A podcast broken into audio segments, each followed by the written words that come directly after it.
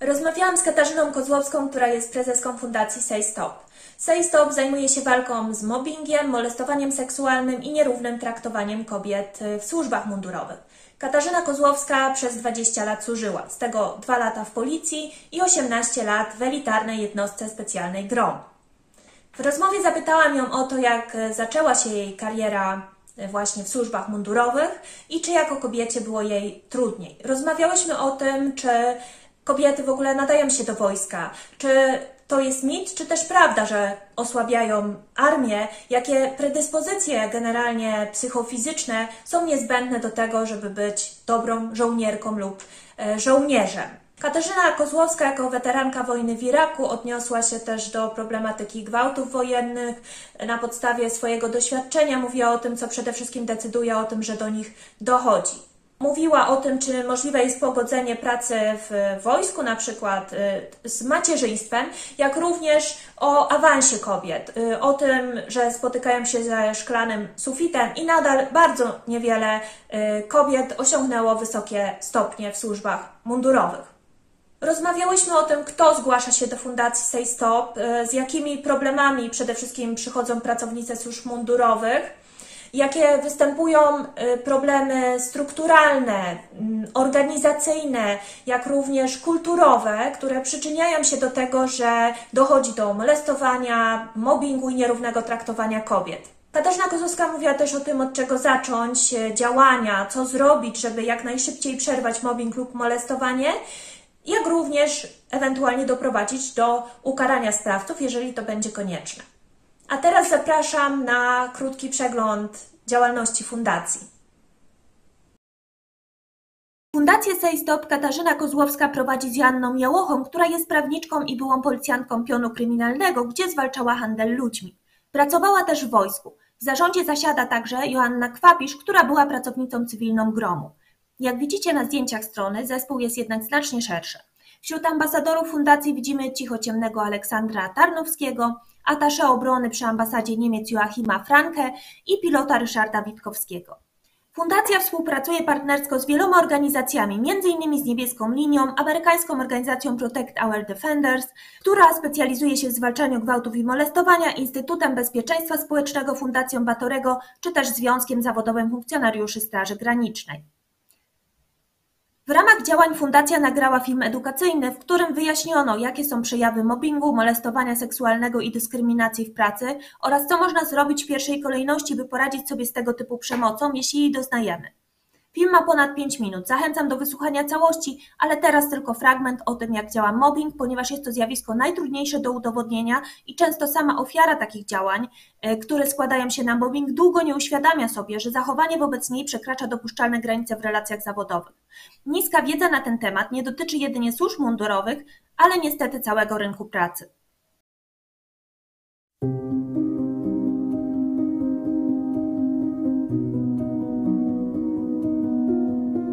Minęło kilka miesięcy, może lat służby, a w pracy pojawiła się pewna zmiana. Na myśl o poniedziałku masz ochotę zatrzymać czas? Nie możesz się skupić, bo już myślisz o tym, co będzie się działo na porannej odprawie? Przeczytanie strony książki graniczy z cudem, bo analizujesz, jakie uwagi przedstawi przełożone do Twojego raportu? Bliscy sygnalizują, że jesteś nieobecna duchem? Nie możesz przełknąć obiadu? Albo wprost przeciwnie – Jesz w ilościach, które zaskakują Twoją rodzinę? Czy podskakujesz na dźwięk telefonu, spodziewając się obraźliwego, krytycznego SMS-a? A może tak planujesz zawodowy dzień, żeby nie natknąć się na konkretne osoby z wydziału? Kiedyś byłaś pewna, że masz kwalifikacje do tego zawodu. Czy teraz kwestionujesz swoje kompetencje? Czy opisane sytuacje wydają Ci się bliskie? Przeżywasz podobne emocje? W polskich służbach mundurowych służy kilkadziesiąt tysięcy kobiet. Każdego dnia wiele z nich doświadcza mobbingu, dyskryminacji i molestowania seksualnego. Nie jesteś pewna, czy te zjawiska dotykają Ciebie? Posłuchaj. Wszyscy lubimy się pośmiać w pracy, ale trudno o dobrą zabawę, jeśli jest się nieustannie przedmiotem żartów. Zdarzyło się częściej niż raz, że rozmowa cichła, kiedy podchodziłaś do grupy pracowników? Przełożony daje ci zadania, które są praktycznie nie do zrealizowania? A może jesteś odsuwana od ważnych projektów? Ktoś sprowokował cię, żebyś popełniła błąd albo złamała przepisy? Publiczna pochwała jest zawsze miłym gestem ze strony przełożonego, ale krytyka nigdy nie powinna być udzielana w szerokim gronie przy innych współpracownikach. Czy rozpoznajesz tę sytuację? Jeżeli te działania są uporczywe i długotrwałe, to mamy do czynienia z mobbingiem. Na początku mobbing może być trudny do zauważenia. Czasami pojawia się świadomość, że jesteśmy przedmiotem czyichś niestosownych działań, ale w takich sytuacjach w pierwszej kolejności najczęściej szukamy winy w sobie. Mobbing prowadzi do braku poczucia bezpieczeństwa, do zaniżonej oceny swoich kompetencji, do kwestionowania swojej wartości.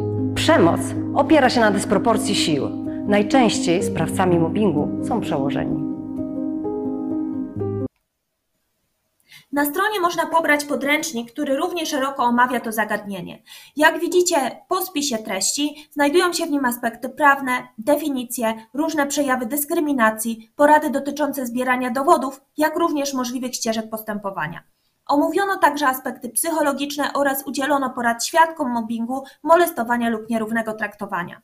Publikacja jest do pobrania na stronie, ale istnieje możliwość zamówienia bezpłatnej jej, bezpłatnie jej papierowej wersji, którą SafeStop rozsyła po jednostkach organizacyjnych służb mundurowych. Jeśli znacie kogoś, kto może jej potrzebować, na przykład pracujecie w policji jednostce wojskowej Straży Granicznej, służbie więziennej lub innych mundurowych, możecie się skontaktować i zamówić. SafeStop świadczy porady prawne i psychologiczne. Jak można zobaczyć na stronie, w pierwszym przypadku oferuje pomoc udzielaną pro bono przez prawników współpracujących z fundacją na każdym etapie sporu. Oferuje także porady prawne prawników współpracujących z fundacją i ich pomoc przy pisaniu pism, skarg, odwołań. Wskazówki do dalszego postępowania w indywidualnych, konkretnych sprawach również są udzielane. Fundacja świadczy pomoc przy gromadzeniu materiału dowodowego na potrzeby przyszłych postępowań. Istnieje także możliwość zakwalifikowania się do Funduszu Mocne Razem w celu sfinansowania profesjonalnej obsługi prawnej przy postępowaniach.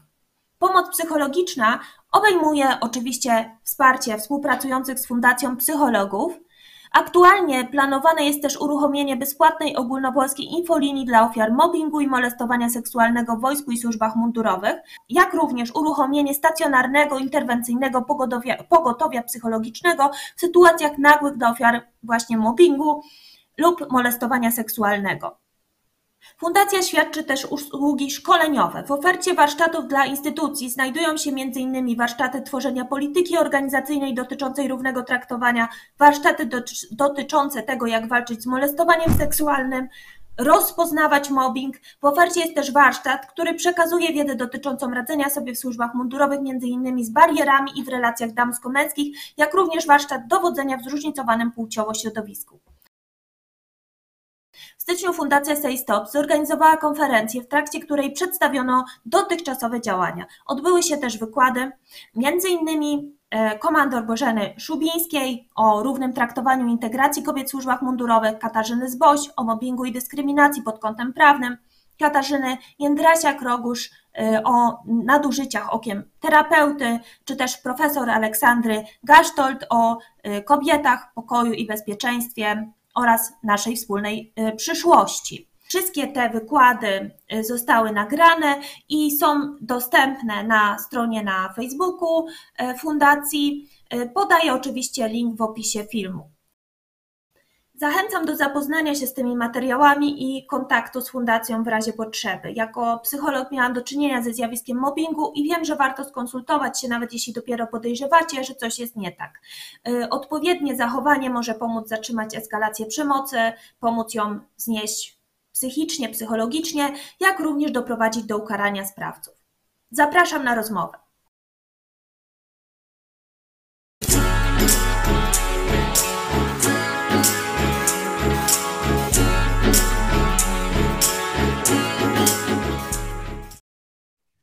Na początek chciałam zapytać, e, czy mówi się żołnierz czy żołnierka, bo prawdę mówiąc nie spotkałam się z, ze stosowaniem feminatywów właśnie w odniesieniu do tego zawodu. Jak Pani stosuje?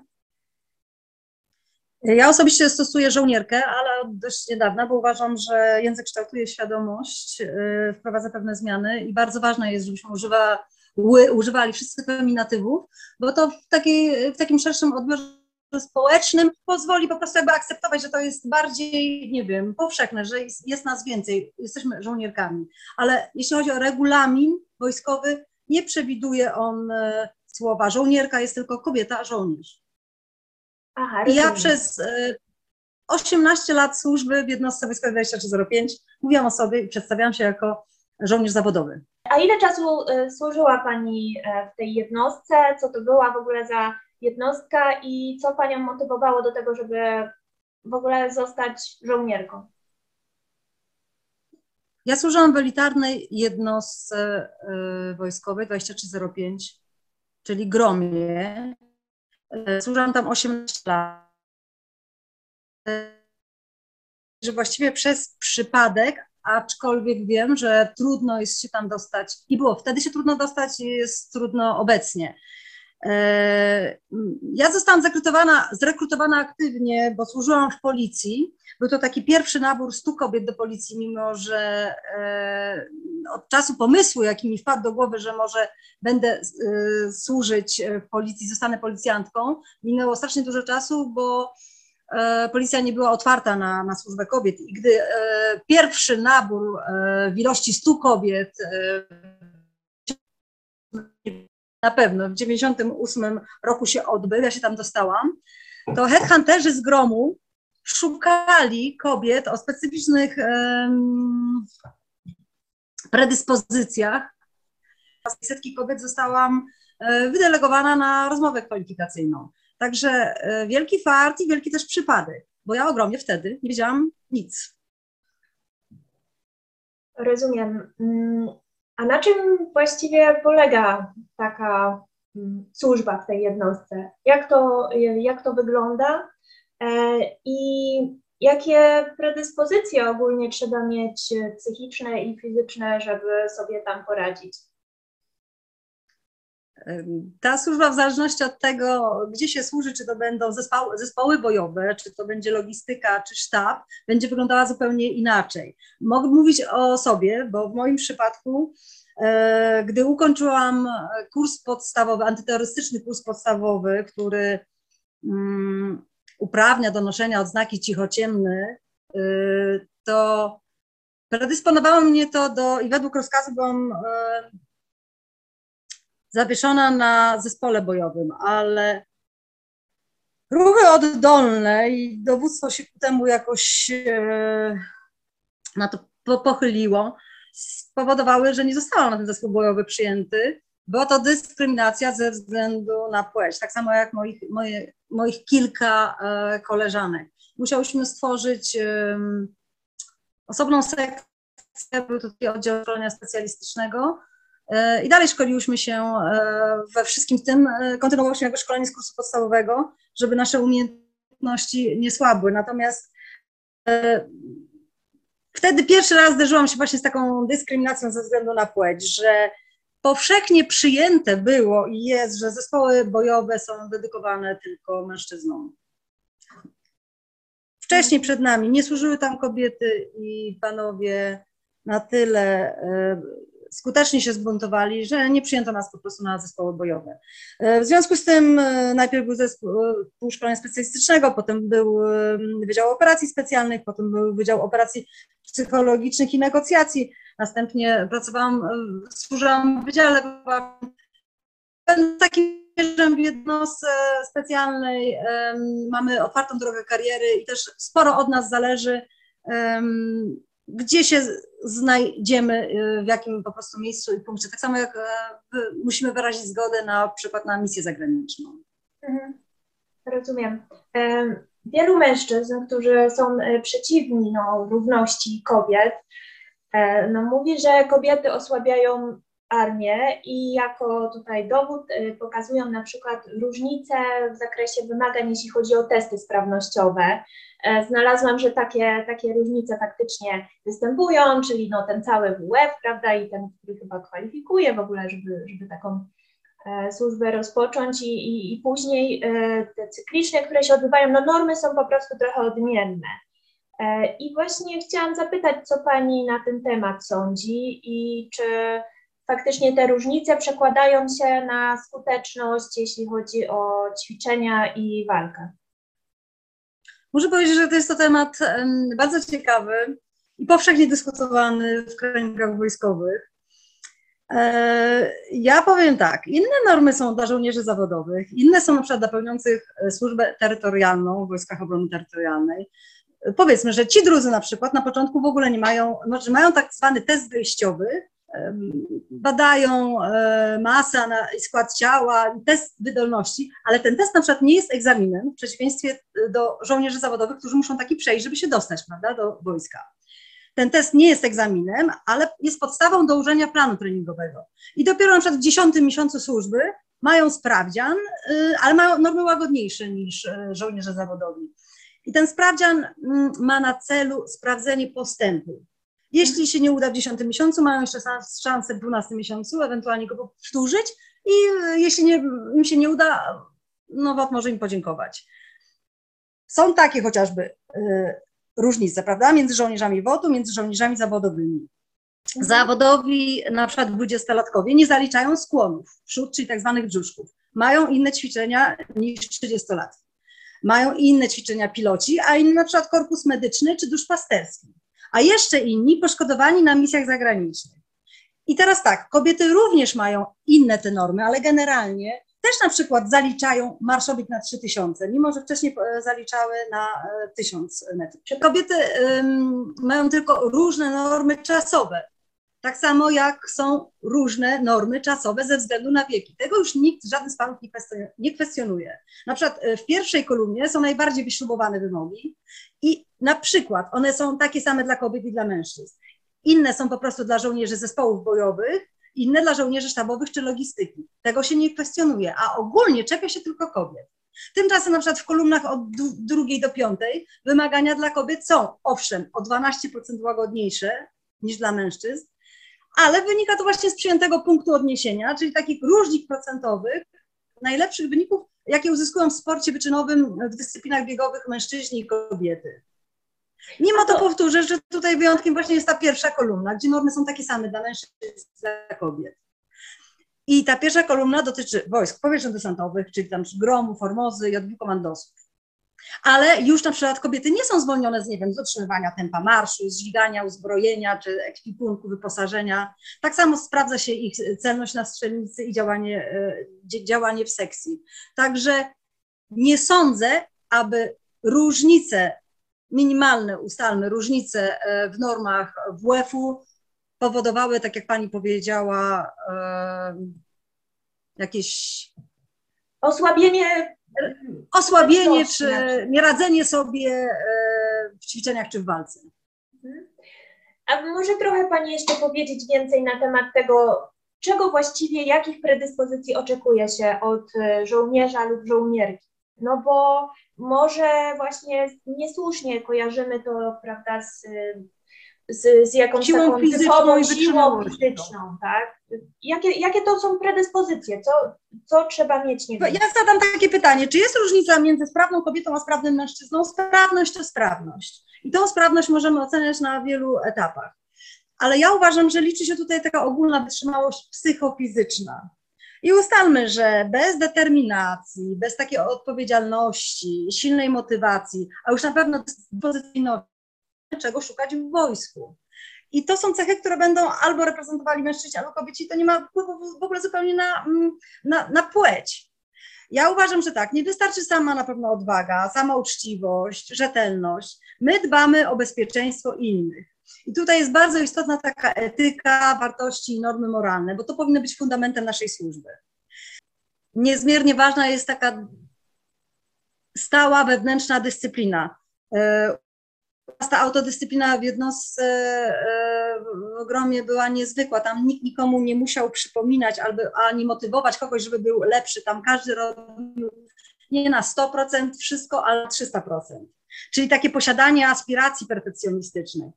Ale też dobrze jest mieć też taką postawę krytyczną, trochę takiego, bym powiedziała, rysu indywidualistycznego, bo to, to nas usprawnia właśnie w, w takim realizowaniu poleceń służbowych i, i rozkazów. Prawda jest taka, że nie zawsze możemy się spotkać z etycznym prawda, rozkazem. I tutaj ta postawa krytyczna jest zbawienna, bo żołnierzy traktuje się często jako masę mięso armatnie niemyślące, a tak nie powinno być. Bo taka postawa krytyczna, postawa szacunku, na przykład wobec przeciwnika w walce, może zadecydować o tym, czy nasze działania będą, nawet jeśli one są nierówne, bo wiadomo, że w sytuacji na przykład wojny ktoś wygrywa, ktoś przegrywa, komuś wyrządza się krzywdę, ale można to robić w sposób, um, który regulują konwencje. Jednym słowem potrzebny jest do, dobry obywatel. Mhm. Wszystkie cechy, które przyznajemy dobremu obywatelowi, które tutaj wymieniłam, predysponują właśnie do służby e, w służbach mundurowych. Mhm. E, czytałam też, że Pani jest weteranką wojny w Iraku, czyli no, ma Pani takie doświadczenie praktyczne. E, I no, feministki często mówią o tym, że kobieta w trakcie wojny jest traktowana no, jak takie przedłużenie pola walki, jak, jak po prostu taka własność, gdzie przy pomocy której toczy się też ten konflikt. Chciałam zapytać, jakie Pani są doświadczenia właśnie z Iraku w tym zakresie, jakie są obserwacje i też od czego to właściwie zależy? Czy, czy to jest jakby bezwzględnie występuje zawsze, to jest nieuchronny jakby skutek e, właśnie takich e, no, przemocy po prostu, tak? Gdzie, gdzie ludzie um, tracą wszelkie, wszelkie zahamowania w tym zakresie i dopuszczają się właśnie gwałtów czy tortur, czy też e, jest to na przykład y, efekt, nie wiem, jakiejś specyficznej kultury narodowej danego kraju, czy też, nie wiem, dowództwa na przykład. Myślę, że to będzie mieszanką tego wszystkiego, co Pani powiedziała. E, mam taką refleksję, bo wyszła świetna książka Christine Lamp, e, Nasze ciała, ich pole bitwy. O tym właśnie, że gwałty się upowszechniły. E, czy one upowszechniły się? Ja myślę, że bardziej są, zrobiły się medialne, bo była to zawsze broń skuteczna, tania, bo każdy mężczyzna jest wyposażony w, w to narzędzie, ale i systemowa. Zawsze było tak, że kobieta gwałcona była łupem i trofeum wojennym. Teraz uważam, że jest też takim narzędziem nacisku swoistych tortur na e, e, przeciwniku i staje się taka obusieczna i eskalująca. Bo proszę sobie m, mm, przypomnieć, jak pojawił się taki m, mm, wyciekł e, przykład nagrania e, z Bukowskim o tym, jak jego żona dawała mu przyzwolenie na gwałcenie Ukrainek. No. I teraz możemy sobie wyobrazić, co by się działo, gdy zostanie schwytany przez Ukraińców. Ta przemoc będzie eskalowała, ale mm, bez względu na kontynuację, bez względu na, e, na jakikolwiek, jak na wszystkich kontynentach i w każdych konfliktach, moglibyśmy tu wymienić Rwandę, Bośnię, Birmę, co ISIS zrobił właśnie wobec Jazydek w Iraku, Boko Haram e, wobec Nigeryjek. E, jakby to jest znane status quo. Mnie właśnie też cieszy taki efekt tego oddolnego ruchu mitu, bo on się też na te gwałty e, przekłada. Daje to kobietom siłę właśnie mówienia, że by, by one nie czuły się częściowo obwinione, by, bo tak, zostały okaleczone, zepsute, zniszczone. Kiedyś na przykład Rosjanki nie przyznawały się do tego, że brały udział w drugiej, podczas II wojny światowej, że były na froncie, bo były uznawane za frontowe dziwki. E, świetnie to opisuje Swietłana Aleksiejewna w, film, w książce Wojna nie ma nic z kobiety. A teraz dużo zdarzyło się Ukrainek, które przyznały się do faktu zgwałcenia, ale jasno deklarowały, że one nie są temu winne, że one tego nie chciały, że ich skrzywdzono, e, że to sprawcy po, po, powinni ponosić e, winę. Czyli nie ma przemilczywania tego faktu, tylko mówienia o tym głośno, co tutaj jest złe, kto został skrzywdzony, kto ponosi winę. Bo na przykład nasze podopieczne czują wstyd, zwłaszcza jeśli mówimy o molestowaniu seksualnym. I on bardzo często przechodzi na taki, na, na niewiarę i nie podejmowania, no, nie podejmowanie decyzji o szukaniu sprawiedliwości. bo takie ujawnienie i przyznanie się zwykle kojarzy się właśnie z, z taką wtórną wiktymizacją, czyli kobiety boją się odrzucenia przez najbliższych, boją się ich akceptacji. Na takie to wypranie publiczne tego brudu, bo to wszystko nas bardzo oblepia, to boli. Po prostu pokrzywdzone, żeby zgłosić gwałt, wymaga się od nich nie lada odwagi, nie lada determinacji, e, skazuje się na taką powtórną traumatyzację, tylko dlatego, że właśnie nie ma e, dość dobrego systemu wspierania i pomocy im. Ale no niestety, e, kwestie gwałtu, jakie by się one nie odbywały, bez względu na kontynent, bez względu na, na konflikt, one jakby wciąż wymagają wielu zmian w podejściach, w postawie i świadomości ludzi. Bo ja podam taki przykład. W kraju pokoju, w Wielkiej Brytanii, y, jakby nie było w kraju rozwiniętym, mhm. tylko 2%, proszę sobie wyobrazić, y, zgło zgłoszonych spraw kończy się postawieniem zarzutu. Tylko 2% spraw. A co mamy powiedzieć o kraju ogarniętym wojną, e, pełnym, nie wiem, nabuzowanych agresją, adrenaliną. I jeszcze wtłoczonych w machinę wojenną e, w, w, sytuacji, w której bardzo często nie możemy o sobie na przykład de decydować albo po prostu idziemy, działa, psy, działa psychologia tłumu. W przypadku, myślę, tego oręża, jakim jest gwałt, bo to jest po prostu broń tania i skuteczna i powszechna i odwieczna, no to jeszcze wiele jakby, wiele przed nami do zrobienia, bo e, za dużo się przemilczywuje, za małej dyskusji na ten temat. Mm, musimy jakby doprowadzić do takiego odstygmatyzowania gwałtu jako częściowej winy ofiary. Mhm. Musimy, tu trzeba pójść w kierunku właśnie takiej nieuchronności wysokich bardzo kar. Myślę, że to mogłoby e, ewentualnie odstraszać. E, ja byłam na wojnie w Iraku i e, jednak, nie wiem, można prowadzić działania bardziej etyczne i nie dopuszczać się tego rodzaju przestępstw. A w przypadku Rosjan robi się to powszechne. Więc jest to, tak jak powiedziałam na początku, mieszanka wielu czynników i pewnej kultury, i cech narodowych, i kultury dowodzenia. Mhm. Rozumiem. Na pewno jest to e, narzędzie, które ma upokorzyć, podporządkować, właśnie zmusić ludzi do opuszczenia, ucieczki z terytorium. E, jest to po prostu jedno z wielu narzędzi, które ma osłabić przeciwnika i spowodować po prostu wygraną.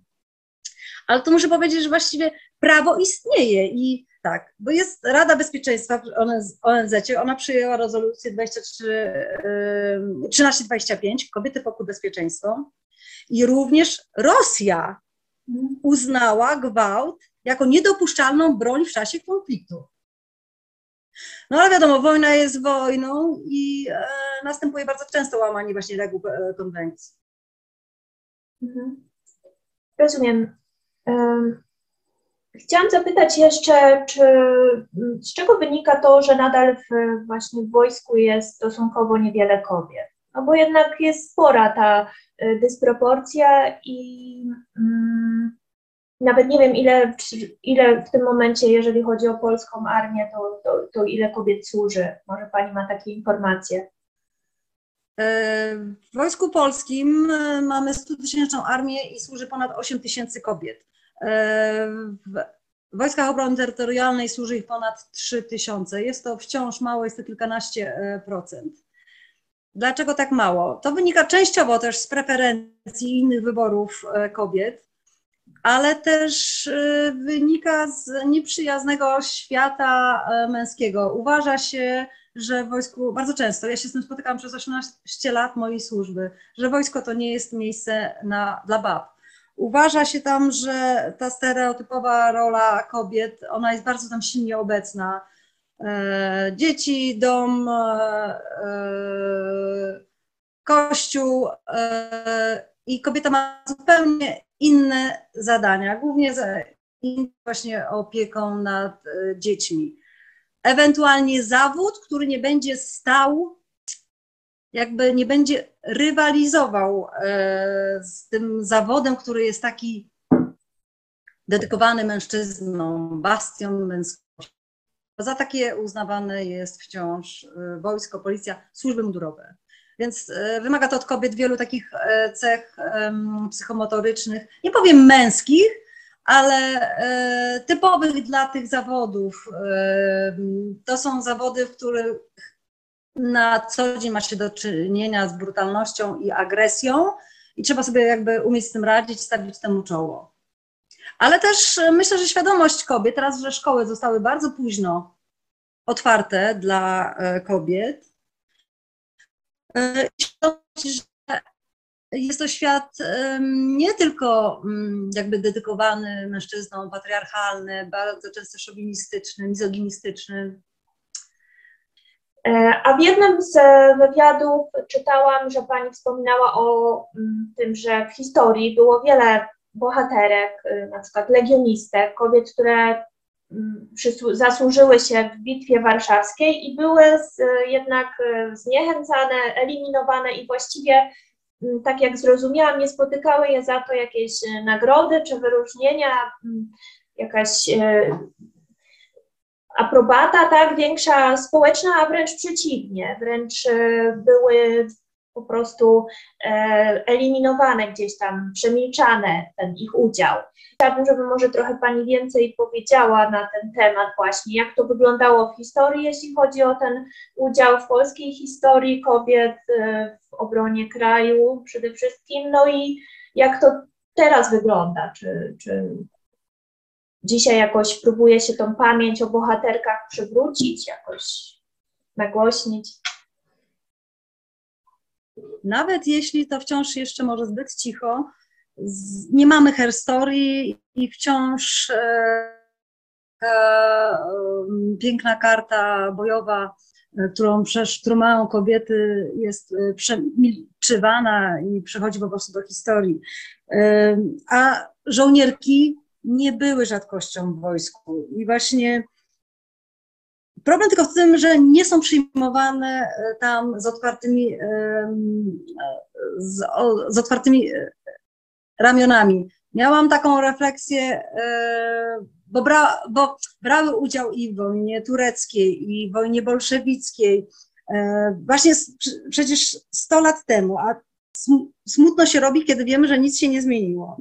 E, rekrutki w legionach polskich, w ochotniczej legii kobiet były doceniane, ponieważ są bardzo pracowite, skrupulatne. Było ich wiele, było ich ponad 1400 i gdy nadszedł czas mobilizacji, uznano, że ich siła bojowa jest na tyle wartościowa, że e, mogą w niej wziąć udział. Natomiast zaraz po ustaniu konfliktu otrzymały wilczy bilet. Nie przestano im wydawać żołd właściwie spisano ich na, mm, na powrót do domu którym bardzo, do którego bardzo często nie mogły powrócić, ponieważ wiele z nich służyło w mundurach e, męskich e, i bez zgody ojca, bo wtedy musiały mieć zgodę ojca lub męża, więc właściwie nie miały się gdzie podziać. Takim właśnie e, podziękowaniem. E, z kolei e, druga wojna światowa to jest największy udział e, żołnierek Armia Krajowa yy, i Powstanie Warszawskie, piękny kwiat naszego społeczeństwa. A jednak tych bohaterek jakby historii jest więcej yy, przytoczonych, ale wciąż mało. Ja myślę, że wiele z nich straciło życie, zostało zapomnianych i przemilczanych, a jak zwykle cała sława e, spada, e, spada na mężczyzn. Muszę powiedzieć, że jesteśmy kosmicznie niedoreprezentowane, bo no, była Emilia Plater, dostała nawet rangę kapitana. E, ale jeśli chodzi o panie generał, to w Wojsku Polskim e, nie ma takiej. E, dwie panie generał, które tego awansu dostąpiły w wieku ponad 90 lat, sam, sam czas jakby otrzymania tego awansu mówi wiele, że jaki to miało wpływ na ich um, kariery zawodowe. A może Pani powtórzyć nazwiska dwa? Maria, Maria Witek i Elżbieta Zawadzka, Zo, pseudonim Zo, cichociemna, mhm. która ze spadochroniarzami Armii Krajowej skakała e, do Polski. Pamiętam przypadek. Nie miało to wpływu już na ich jakby no, pracę? Na żadną, nie miało to już wpływu na ich karierę zawodową. Było tylko jakby oddaniem e, czci i honoru, ale mam nadzieję, że Pani były jeszcze świadome i e, ten awans przyniósł im satysfakcję. Natomiast też nie ma to wpływu, nie miało to również, uważam, wpływu na właśnie, na pewno na łańcuch dowodzenia, ani na przyszłe pokolenia, bo obecnie teraz mamy do czynienia z awansem i wszyscy się cieszą z awansem na kurs generalski. Mamy do czynienia z nominacją co dla mnie jest jakimś takim powodem do wstydu bardziej. To jak to? W 100-tysięcznym wojsku polskim nie mamy kobiety generał? Nie mamy. Mieliśmy jedną panią generał w policji i kuriozalne było, że w ogóle nie był e, według regulaminu policji przewidziany dla niej mundur, zabrakło e, spódnicy właśnie z lampasami. Wiem, że mamy jedną dowódczynię okrętu, na pewno mamy kilka e, pań dowodzącymi różnymi e, jednostkami organizacyjnymi, ale nie są to, no jest to kropla w morzu. I parytet się tutaj nie sprawdza. Rozumiem, no dobrze, no a może przeszkadza macierzyństwo na przykład. No wiele kobiet ma w swoim życiu, decyduje się na to, żeby być matką, i przypada to na e, jakiś tam moment zwykle no, rozwoju właśnie kariery zawodowej i jak to wygląda w wojsku? Czy to w ogóle da się pogodzić? Ja myślę, że to po, wygląda podobnie jak w każdej innej profesji, że y, nie chciałabym tutaj używać słowa przeszkadza, bo słowo jest pejoratywne, ale na pewno wyhamowuje tą karierę. Mhm. Nawet y, powiem tak, często kobiety w wojsku, w służbach mundurowych, jeśli decydują się właśnie już na rozwój karierę, i na służbę, e, odkładają macierzyństwo na zdecydowanie na, na, na później, bo mm, to ma wpływ na naszą e, niestety dyspozycyjność. E, my też jesteśmy wtedy bardzo krzywdząco traktowane jako takie osoby, które są uprzywilejowane, a ja uważam, że to jest żaden przywilej, bo musimy wtedy pogodzić różne role, domową, zawodową, służbową, genderową, jako kobieta w domu opieka nad dzieckiem. Tak nikły procent e, panów, którzy decydują się właśnie na jakieś wyhamowanie e, kariery e, i wybranie tego projektu człowiek. Najczęściej jednak ta opieka i wychowanie spada, spada na kobiety. Ja mogę powiedzieć tak, wśród kilku moich koleżanek naprawdę mniej niż połowa zdecydowała się na posiadanie potomstwa. Rozumiem. No tak, no to Jeszcze... potem się rządzący dziwią, skąd jest niska dzietność. Może gdyby... Na przykład. Gdyby... Na przykład, podczas gdy ja miałam, gdy pełniłam służbę w 2005, e, nie przysługiwał nawet nam kobietom urlop e, wychowawczy. Po trzech i pół miesiącach musiałam wrócić e, do pracy, zaliczać od razu WF dla, że tak powiem, satysfakcji mojego dowódcy po cesarskim cięciu. Nikt mnie nie pytał o moje samopoczucie, zdrowie, po prostu e, trzeba było jakby robić swoje.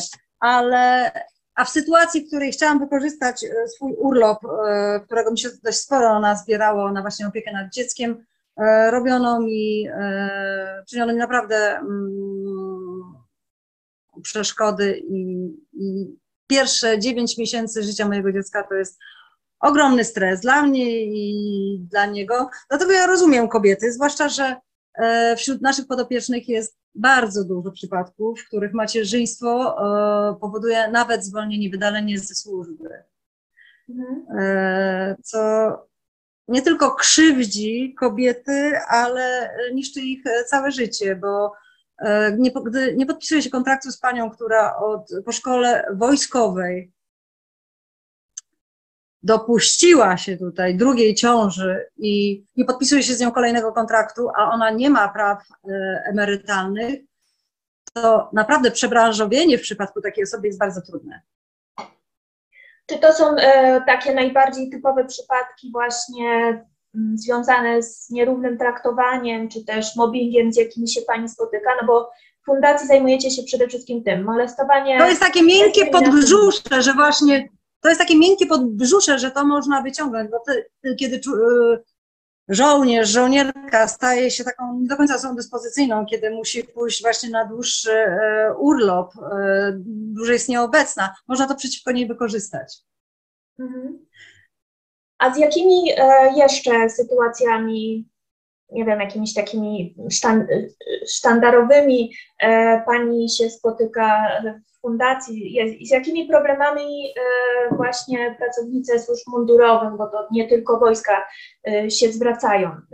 Jaki jest ten schemat, może, nie wiem, który najczęściej można zaobserwować?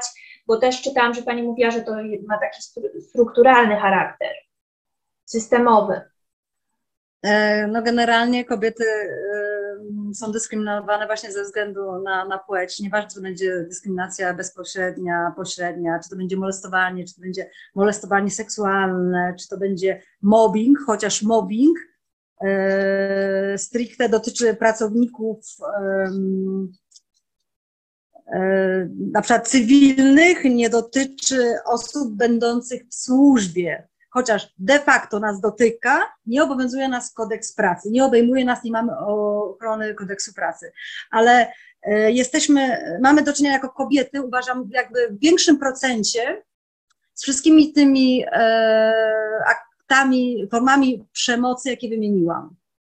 Owszem, mobbing nie ma płci, dotyczy również, e, również kobieta może mobbingować mężczyznę lub kobietę, mężczyzna może mobbingować mężczyznę lub kobietę, ale mam takie, jakąś dziwną refleksję, że kobieta jest jakby wdzięczniejszym e, materiałem, zwłaszcza w strukturach mundurowych, w których przykleja nam się łatkę słabszej fizycznie. Więc jest jakby um, naturalnym, naturalną ofiarą. Dlatego zorganizowałyśmy się i dlatego powstała właśnie inicjatywa Say Stop, żeby przeciwdziałać mobbingowi, molestowaniu i nieró- nier- nierównemu traktowaniu. A jeśli chodzi już właśnie o te formy przemocy, które wymieniłam, no to są one mm, tak jak te, typowe jak w innych profesjach, innych środowiskach e, i, branżach. Werbalne, niewer, niewerbalne. Myli się mobbing z dyscypliną. Mówi się, że jak w wojsku w ogóle może dochodzić do mobbingu, skoro istnieje tam sytuacja, jest, panuje tam sytuacja hierarchiczna i przełożeństwo. Ja już jako osoba doświadczona szybko rozpoznam mobbing. Mobbing to jest to, są to działania polegające na powtarzalnym, uporczywym powodującym poniżenie, ośmieszenie pracownika, izolowanie go albo wyeliminowanie z zespołu współpracowników. I tak w sytuacji, w której na przykład nasz dowódca będzie używał stosował wul- wulgaryzmy do wszystkich, to możemy mu zarzucić, nie wiem, żołdackie prostactwo i chamstwo, ale nie możemy mu zarzucić e, mobbingu. Mobbing to nie jest sytuacja jednorazowa, to, jest, to są powtarzalne zachowania, no niestety tutaj dotyczące właśnie pracownika, a nie żołnierza. Dlatego my e, podejmujemy taką inicjatywę ustawodawczą, aby zapisy o mobbingu i molestowaniu znalazły się w ustawach pragmatycznych służb, bo bez tego po prostu nic nie zmienimy. Raz, że trzeba zmieniać przede wszystkim mentalność dowódców, podwładnych po prostu w całym łańcuchu dowodzenia, na każdym e, stopniu, ale muszą się zmienić przepisy. Bo jeśli nie, e, bo nie ma żadnych ujednoliconych e, procedur i jeśli nie wprowadzimy pewnych przepisów zmieniających i w jednoznaczny sposób jakby em, przesądzającym o tym, że mobbing, dyskryminacja, nierówne traktowanie, molestowanie, molestowanie seksualne e, mają znamiona e, czynu przestępczego, nie spowoduje to też żadnych sankcji karnych i nadal będzie przyzwolenie na tego typu zachowania w e, służbach mundurowych. A czy wiadomo, jaka jest skala tych, tych zjawisk? Czy jest to w jakiś sposób policzone, monitorowane, cokolwiek? Obecnie jesteśmy na etapie zadawania pytań różnym jednostkom organizacyjnym, czy prowadzone w ogóle są i jak wyglądają, a jeśli są prowadzone, to jak wyglądają statystyki. E, spływają do nas odpowiedzi zatrważające, ale my się, my się tego spodziewałyśmy. Osobę zgłaszającą taki yy, przypadek i takie działania wydali się ze służby, bez względu na to, najczęściej to niestety spotyka poszkodowaną czy poszkodowanego, e, ale też często sprawca zostanie, zostaje usunięty ze służby i e, nie powoduje to właśnie mm, tworzenia statystyk. E, mamy kilka takich właśnie niebezpiecznych precedensów, które też dają jakby przyzwolenie. Ja tu często wracam do precedensu w Afganistanie, tam była kwestia molestowania seksualnego. Pan prokurator dopuszczał się go na Y, kilku kobietach, z czego tylko dwie odważyły się na pójście do sądu, przegrały tą sprawę, to znaczy przegrały w szerszym takim kontekście, dlatego że pan, owszem, prokurator został ukarany, ale karą bardzo niską, y, w zawieszeniu, pobiera dalej wysoką emeryturę, nie został zdegradowany w swoim stopniu, a co najgorsze, e, został wydany werdykt, e, który, mówię, daje przyzwolenie, ponieważ uznano o niskiej, uznano o niskiej szkodliwości społecznej. Czyli jakby każdy następny, który będzie chciał dotknąć, wymacać, złapać za pierś kobietę, będzie mógł to zrobić, ponieważ wie, że w razie czego nie zostanie ukarany albo że jest w stanie wygrać. Co prawda troszeczkę się E, zmieniają teraz realia i e, przychodzi nowa generacja. E, korzystamy też z doświadczeń, nie wiem, koncernów zagranicznych, takich, w takich korpo są bardzo często restrykcyjne przepisy dotyczące molestowania seksualnego. Ja myślę, że to się po prostu powoli już temat rozlewa, już w większości ludzie wiedzą, że nie wiem, strzał ze stanika, klepnięcie w kupę, to chociażby, nie wiem, obyczajowo u nas e, jeszcze jest ale już w wielu kręgach jest bardzo, bardzo mile widziane. Mhm. A jak to wygląda? Może Pani się orientuje na tle innych armii, na przykład, nie wiem, tam, gdzie ten pobór e, kobiet jest obowiązkowy, jak e, chyba Norwegia, zdaje się, czy Izrael ta skala tych zjawisk faktycznie się wtedy zmniejsza, jeśli tych kobiet jest więcej, czy są lepsze procedury radzenia sobie? Czy Państwo z kimś współpracujecie w ogóle właśnie z zagranicy w tym zakresie? My współpracujemy z Protect Our Defenders, z Amerykankami. E, możemy, że tak powiem, na, na bieżąco opierać się na jakby bezpośrednio korzystać z ich doświadczeń, tylko że to jest, mamy do czynienia tutaj z armią amerykańską, e, która mm, szuka odpowiedzi i rozwiązań systemowych właśnie w kwestii e, molestowania seksualnego i oni posiadają struktury. My jesteśmy wciąż startującą e, małą organizacją e, i mimo właśnie jakby takiej konieczności poszerzania naszych struktur, to nie mamy e, takich zespołów, które są odpowiedzialne mm, i takiej ilości osób, wolontariuszy i etatowych pracowników, którzy mogą zajmować się tym tematem na wielu różnych płaszczyznach. Jedni są, nie wiem, zajmują się e, inicjatywą stawodawczą, inni zajmują się, jest zespół e, prawników udzielający opieki prawnej, są psycholodzy dający wsparcie psychologiczne, są zespoły poszukujące pieniędzy właśnie na utrzymanie się takiej organizacji. My, kilka osób, zajmujemy się tym wszystkim, więc naprawdę jest duża konieczność do tego e, poszerzania naszych jakby struktur i rozwoju naszej inicjatywy, bo mamy bardzo dużo zgłoszeń na co dzień. E, poszukujemy teraz takiej właśnie wymiany doświadczeń. E, no, mogę na przykład podać przykład we Francji, bo tam po ogłoszeniu takiego opublikowaniu jednego z nieciekawych e, dokumentów o nieprawidłowościach, E, wtedy ówczesny minister obrony utworzył nawet specjalną właśnie jednostkę do spraw zwalczania nękania w siłach zbrojnych i zapobiegania im. No u nas tego nie ma. E, istnieje na przykład, e, bo my naszą organizację dedykujemy kobietom. W siłach zbrojnych wiemy, że istnieje Rada do Spraw Kobiet. Mhm.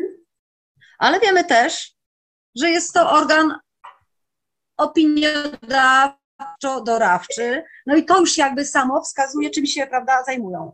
E, ja też hmm, sprawdzałam dokładnie, mm, czym zajmuje się Rada i muszę powiedzieć, że nie ma tam nic, ale to absolutnie jest, bo tak, mają promować e, Wojskową Służbę Kobiet, e, przedstawiać różne, nie wiem, tworzą uchwały, e, analizy. Wszystko to dotyczy pełnienia służby wojskowej przez żołnierzy kobiety. Mhm. Współpracują z innymi organizacjami, z organami, przedstawicielstwami żołnierzy zawodowych, E, opracowują jakieś tam szczegółowe rozwiązania prawne. Nie ma tam nawet słowa, które by dotyczyło mobbingu, molestowania albo w ogóle pomocy czy wsparcia kobiet w jakichś szczególnych przypadkach e, kobiet, które doświadczyły przemocy, jakiejkolwiek z ich form. I najgorsze jeszcze jest w tym, że nie wiem, jak teraz poradzić sobie e, nowa mm, E, pani przewodnicząca Nina Kaczmarek, bo na kilkaset podopiecznych kilkadziesiąt stwierdziło, że po wysłaniu prośby o pomoc do Rady Kobiet nie, do, nie otrzymały żadnego wsparcia. Dlatego y, powołałyśmy naszą fundację, bo nasza fundacja właśnie to wsparcie psychologiczne, prawne, koleżeńskie oferuje. A czy oprócz tych usług, bo tam widziałam, prawda, no przede wszystkim właśnie prawne, psychologiczne, e, sieć kontaktów, to też jest pewnie istotne. E, czy oprócz tego prowadzicie jakieś to działania? jest bardzo istotna. Sieć kontaktów jest bardzo istotna, bo muszę powiedzieć, że tak jak na początku byłyśmy trzy, tak nasza fundacja już się powiększyła o taką sieć wzajemnej pomocy. Osoby, które my udzieliłyśmy wsparcia, już mogą, są w stanie po na przykład dwóch latach udzielać wsparcia następnym naszym podopiecznym. Ustalmy, że my mamy siedzibę w Warszawie. E, oczywiście, że są różne komunikatory, przez które możemy się e, połączyć z północą i południem Polski, ale wielu nas, naszych podopiecznych zależy na takim kontakcie bezpośrednim, chcą przyjechać właśnie do siedziby, to zawsze jest wysiłek, one są w służbie i finansowy i taki e, kłopot e, no, wzięcia sobie wolnego. E, więc robimy takie filie. Na razie jeszcze takie nieoficjalne, bo nie mamy takich możliwości socjalnych, ale jest, mówię, nas więcej i tworzymy sieć wzajemnej pomocy. I takie lotne teamy szybkiego reagowania, e, bo czasami nasze podopieczne naprawdę w wielkim e, kryzysie i rozstroju takiego zdrowia psychofizycznego potrzebują niejednokrotnie takiego wsparcia bezpośredniego. A jest nas tylko kilka, więc całemu krajowi byłoby ciężko pomóc. A gdy poszerzają się nasze e, struktury, no jest, jest zdecydowanie lepiej. Poza tym czujemy wtedy większą siłę. No tak. A czy prowadzicie działania edukacyjne? Mm, no, żeby po prostu, bo też widziałam na stronie, tak, że, że są publikacje, są podcasty. Co oferujecie w tym zakresie i do kogo to jest w ogóle adresowane, tak? Na przykład warsztaty, do kogo to, do, do kogo adresujecie? Czy to, e, nie wiem, adresujemy do wszystkich, nie tylko do służb mundurowych, ale w ogóle do całego środowiska cywilnego, dlatego że ono ma bardzo niską świadomość na tego, że w ogóle coś może się w służbach mundurowych złego dziać, że tak jest, że w służbach mundurowych to służą sami twardziele, ich nie może dotknąć, nie wiem, mobbing, molestowanie i to jest właśnie kuriozalne, bo funkcjonariusze, którzy mają stać na straży bezpieczeństwa, zdrowia, życia, imienia, prawda, poddawani sami y, różnym formom przemocy, mają takie rozdwojenie jaźni, bo tak we własnych szeregach doświadczają czegoś, przed czym bronią swoich obywateli. Dlatego edukacja jest bardzo ważna. No i my jakby szeroko chcemy iść tą edukacją, zaczynać w ogóle od szkół y, wojskowych, żeby adepci mieli świadomość wojskowych, w ogóle służb mundurowych czy policyjnych, y, z czym wiąże się ten uprawianie tego, tej, tej profesji, tego zawodu. Robimy okazjonalne wykłady i na uczelniach, na uniwersytetach, jak również w szkołach podstawowych, bo wiemy, że my walczymy, nasz hasłem to jest taka walka dobra ze złem. Walczymy, przeciwdziałamy czemuś, co jest złe, różnym formom przemocy. W zależności od, a ta przemoc istnieje wszędzie, również w szkole podstawowej. Że mamy takie szkolenia, E, wybór e, ich jest na naszej e, stronie, ale generalnie teraz skupiłyśmy się i wydałyśmy ostatnio taki poradnik prawno-psychologiczny Mobbing i dyskryminacja w służbach mundurowych. Jak pomóc sobie i innym krok po kroku. I mamy to w wersji PDF-u na stronie dostępnej do ściągnięcia, jak również dystrybuujemy to w formie drukowanej. No i Życzyłybyśmy sobie, ponieważ nie stać nas na druk nie wiadomo jakiej ilości, e, żeby pojawiło się jakby takie, taki zwrot, e, że jest duże zapotrzebowanie i ewentualnie pomoc od różnego rodzaju e, jednostek organizacyjnych, że są zainteresowane na przykład wydrukiem. Bo zdarzają się, tak jak Centrum Szkolenia Policji w Legionowie, że chętnie przyjmują od nas pakiet takich poradników, a zdarzają się e, tutaj jednostki w Katowicach, które odsyłają nam e, paczkę i nie, nie wiem, dają nam do zrozumienia, że nie są im potrzebne materiały szkoleniowe tego typu. E, co jest dziwne, ponieważ wiemy, że takie procedury wewnętrzne nie każda z jednostek organizacyjnych posiada jest to coś, co na pewno pomoże, wesprze na różnym etapie właśnie e, poszkodowane, a także jakby wytrącanie sobie narzędzi. E, a może wiem, nam chodzi o to, że właśnie jest to odbierane jako szkodzące wizerunkowi, podważające, podważające po prostu dobrą opinię, tak? I autorytet też jest istotny. Oczywiście, ujawnienie i upublicznienie różnego rodzaju nieprawidłowości na pewno wpływa na osłabienie tego wizerunku, ale materiał szkoleniowy, który może zaradzić na którymś tam etapie jakiegoś tam danego przypadku i tym nieprawidłowościom, nieprzyjęcie takiego materiału jest dla mnie no, jakby totalnym błędem. A które... Nie ma to y, wpływu, nie ma to wpływu na... Tak, wizerunek może mieć wpływ wielka bomba i E, czyjeś błędy, bo prawda jest taka, że oczywiście, żeby odesłać coś takiego, to musi to zrobić, e, musi być jakieś pytanie. A to właśnie dowodzący na ich barkach spoczywa e, i powinno spoczywać zgłaszanie nieprawidłowości. A które służby mundurowe w największym stopniu współpracują i gdzie macie takie poczucie, że to że ta sytuacja jest najbardziej korzystna, gdzie najłatwiej wdrożyć te zmiany. Wojsko w ogóle z nami nie współpracuje. Jeśli chodzi o MON, nie ma żadnego zainteresowania. Jeśli chodzi o policję, jest, jest różnie, ale też najwięcej mamy zgłoszeń do fundacji z policji, co chyba wynika właśnie z wyższej świadomości i znajomości własnych praw. Jednak policjanci mają na co dzień do czynienia z kodeksem karnym, z kodeksem postępowania karnego i Mm, I ta znajomość praw e, przekłada się właśnie na ilość e, zgłoszeń. Mhm. Rozumiem, Żołnierki bardzo często zwracają się do nas już, jak są o włos od wydalenia ze służby. Jak już mają całą gehennę mm, tych, pro, nie wiem, procesu mobbingu czy molestowania za sobą.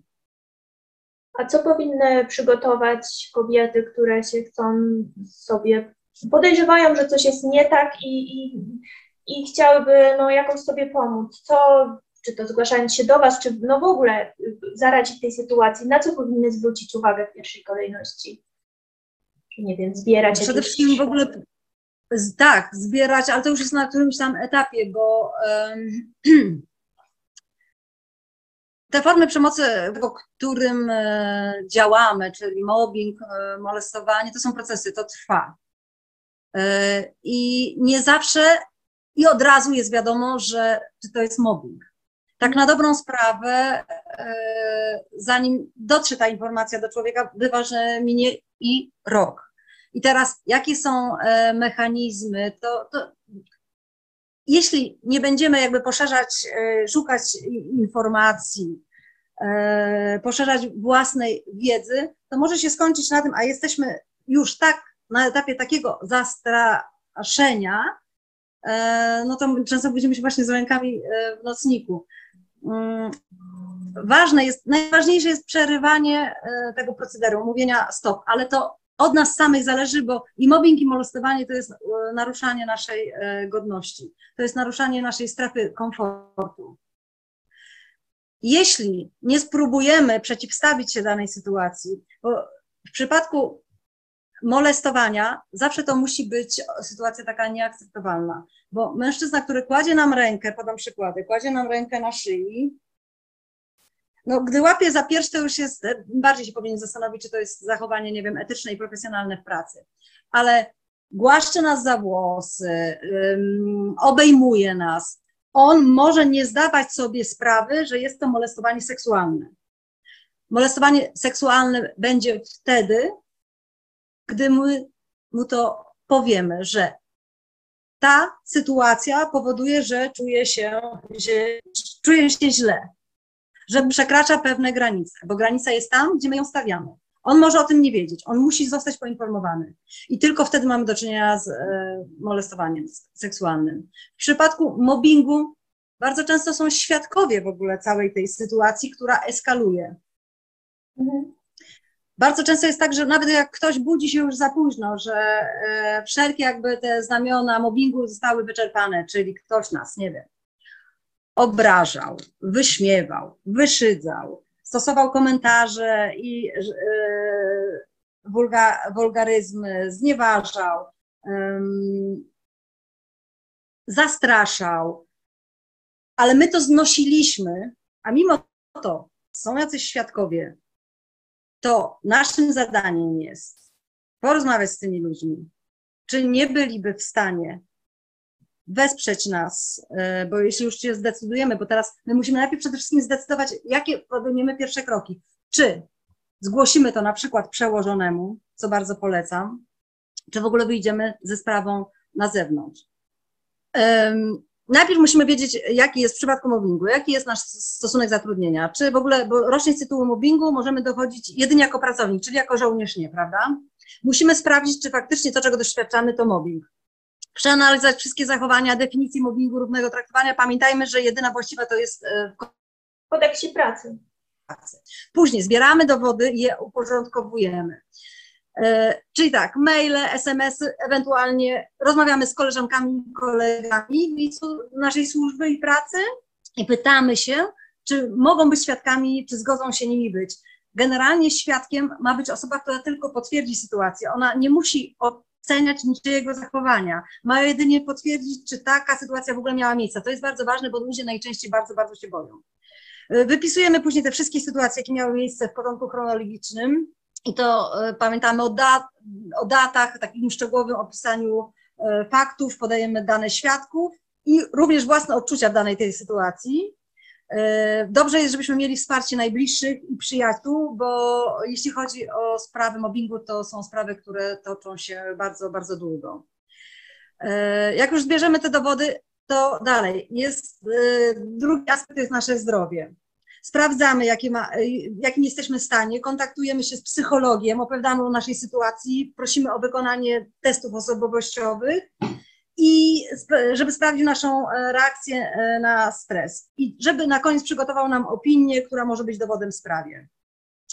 Tak samo e, jeśli chodzi o zdrowie fizyczne, lekarz, udajemy się do lekarza i sporządzamy opinię lekarską i prosimy o zaświadczenie o naszym stanie zdrowia. I teraz decydujemy się, czy chcemy dochodzić odszkodowania z tytułu naruszenia zasady równego traktowania, na przykład wnosimy powództwo o naruszenie dóbr osobistych, bo to jest tylko dotyczy żołnierzy, dlatego że pracowników, ty, tylko pracownicy mogą złożyć pozew o zadośćuczynienie z tytułu mobbingu. Bo my, żołnierze, nie, ponieważ nie chroni nas kodeks pracy. Rozumiem. I później zaczynamy przygotować. Później zaczynamy przygotowywać, um, e, później są kwestie prawne, za, zaczynamy przygotowywać e, pozew. E, I to wszystko znajdziemy na naszej stronie. E, ale ponieważ kończymy, to ja chcę tylko powiedzieć, co jest najważniejsze. Zawsze musimy powiedzieć stop. Granica jest tam, gdzie ją postawimy. Wiedzmy i pamiętajmy, że mężczyźni, którzy dopuszczają się molestowania, niekoniecznie muszą wiedzieć, że to już jest molestowanie. Każdy ma inne poczucie godności i dla jednego położenie ręki na ramieniu może być już przekroczeniem granicy, a dla innych klepnięcie kupę e, może być, nie wiem, czymś e, naturalnym, do czego został, nie wiem, przyzwyczajony już od dzieciństwa. To jest w przypadku molestowania. Rozumiem. Podsumowując jeszcze, podsumowując jeszcze to molestowanie, e, to pamiętajmy, że zawsze to są e, zachowania, które muszą być nieakceptowalne i niechciane przez osobę pokrzywdzoną. I wielokrotnie kobiety, e, mimo że ktoś przekroczył granicę ich komfortu, maskują to śmiechem, dowcipem albo unikaniem tematu. W molestowaniu naprawdę ważne jest postawienie granic, wyrażenie sprzeciwu i natychmiastowa reakcja. I wtedy być może zdarzy się, że sprawca zrozumie i miejmy taką nadzieję, bo w 50 przypadkach tak jest, że sprawca przestaje stosować, yy, przestaje zachowywać poczucie dyskomfortu.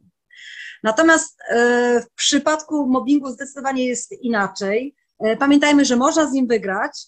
E, trzeba, to tylko, trzeba się tylko do tego odpowiednio przygotować. I załóżmy, że doświadczamy tego mobbingu. I teraz na czym generalnie polega mobbing? Są to różne działania. Najczęściej osoba, która doświadcza mobbingu, nie od razu się w tym orientuje. Nie, dochodzi do nich, dociera to do nich, gdy już jest naprawdę moc, mocno cierpi, a sprawa bardzo eskalowała. A to są mm, różnego rodzaju działania. To są działania, które, po czym się dowiemy, że jesteśmy mobbingowane. Gdy na przykład utrudnia nam się proces komunikowania, że ktoś nas nęka przez telefon, stosuje groźby, ogranicza e, lub nie daje możliwości wypowiedzi, gdy zawsze nam systematycznie przerywa. E, dalej, to będą też działania, które wpływają negatywnie na relacje na przykład przełożony będzie unikał kontaktu, albo będzie nas wręcz nękał swoją osobą. E, fizycznie lub społecznie będzie nas e, izolował, umieści nas na przykład e, w pokoju osobnym z zakazem komunikowania się z innymi. Będzie ostentacyjnie lekceważył i ignorował. Będą to też działania mające wpływ na naruszające nasz wizerunek. Będą typowe rozsyłanie plotek, obmawianie, ośmieszanie, sugerowanie zaburzeń psychicznych, żartowanie, wyśmiewanie życia prywatnego, parodiowanie sposobu pochodze, y, chodzenia. E, na, w naszym poradniku e, znajdziecie całą listę, że tak powiem, takich zachowań, które naruszają wizerunek. I będą to też działania naruszające e, pozycję zawodową. Wymuszanie na przykład zadań służbowych naruszających godność osobistą. E, systematyczne e, kwestionowanie podejmowanych przez ofiary decyzji, przydzielanie, przydzielanie zadań bezsensownych, zbędnych, tak jak naszej jednej z podopiecznych kazał pan e, komendant szukać patyka, narzędzia zbrodni patyka w parku. Przydzielanie zadań też poniżej kwalifikacji, kompetencji, przydzielanie zadań zbyt trudnych, przerastających kompetencje, czy przedzielanie ciągle nowych zadań, gdzie już nie jesteśmy w stanie się po prostu z nierealnym terminem e, wykonywalności. Albo ostentacyjne odbieranie zadań przekazanych do realizowania przy świadkach, mających na celu upokorzenie po prostu i ośmieszenie e, pracownika. I teraz tak, jeśli e, to wszystko ma wpływ na nasze zdrowie, to pamiętajmy, że jesteśmy w sytuacji, w której potrzebujemy już opieki psychologicznej, e, wsparcia koleżeńskiego i e, opieki prawnej. I teraz od nas zależy właśnie, gdzie skierujemy swoje pierwsze kroki. Natomiast to nas czeka, bo sprawy o mobbing są bardzo długotrwałe, sami, sami ich nie wygramy. Rozumiem. Mm, no myślę, że tutaj Wasza fundacja jest w stanie w razie czego też no, pokierować. W związku z tym no, ja zachęcam każdą osobę, która podejrzewa, że coś może być nie tak, żeby po prostu tam się skierowała. Czy jest coś jeszcze, co chciałaby Pani na koniec powiedzieć, jakoś podsumować tą naszą rozmowę dotyczącą tak naprawdę nierównego traktowania w służbach mundurowych? Chciałam powiedzieć, że mm, radzimy sobie z przemocą na jej różnych etapach, w różny sposób, często sami, ale e, profesjonalna pomoc, psychologiczna i prawna oraz wsparcie emocjonalne jest bardzo ważne. I w fundacji czekamy na wszystkie pokrzywdzone i poszkodowane, które nie dają sobie już rady same. E, wysłuchamy na pewno Waszych historii i zaproponujemy adekwatne rozwiązanie sama świadomość, że nie jest się samym w tym problemie, że e, ktoś już miał podobne doświadczenia, możemy z nich skorzystać i zaproponować całkiem na zimno pewne rozwiązania, bo e, w ferworze takiego emocjonalnego rozbicia e, możemy po prostu czasami, może nam umknąć pewien szczegół, który może być istotny i od tego są profesjonaliści, żeby nam pomóc i wskazać właściwą ścieżkę postępowania. Dobra, dziękuję bardzo w takim razie za rozmowę. Dziękuję również, pozdrawiam.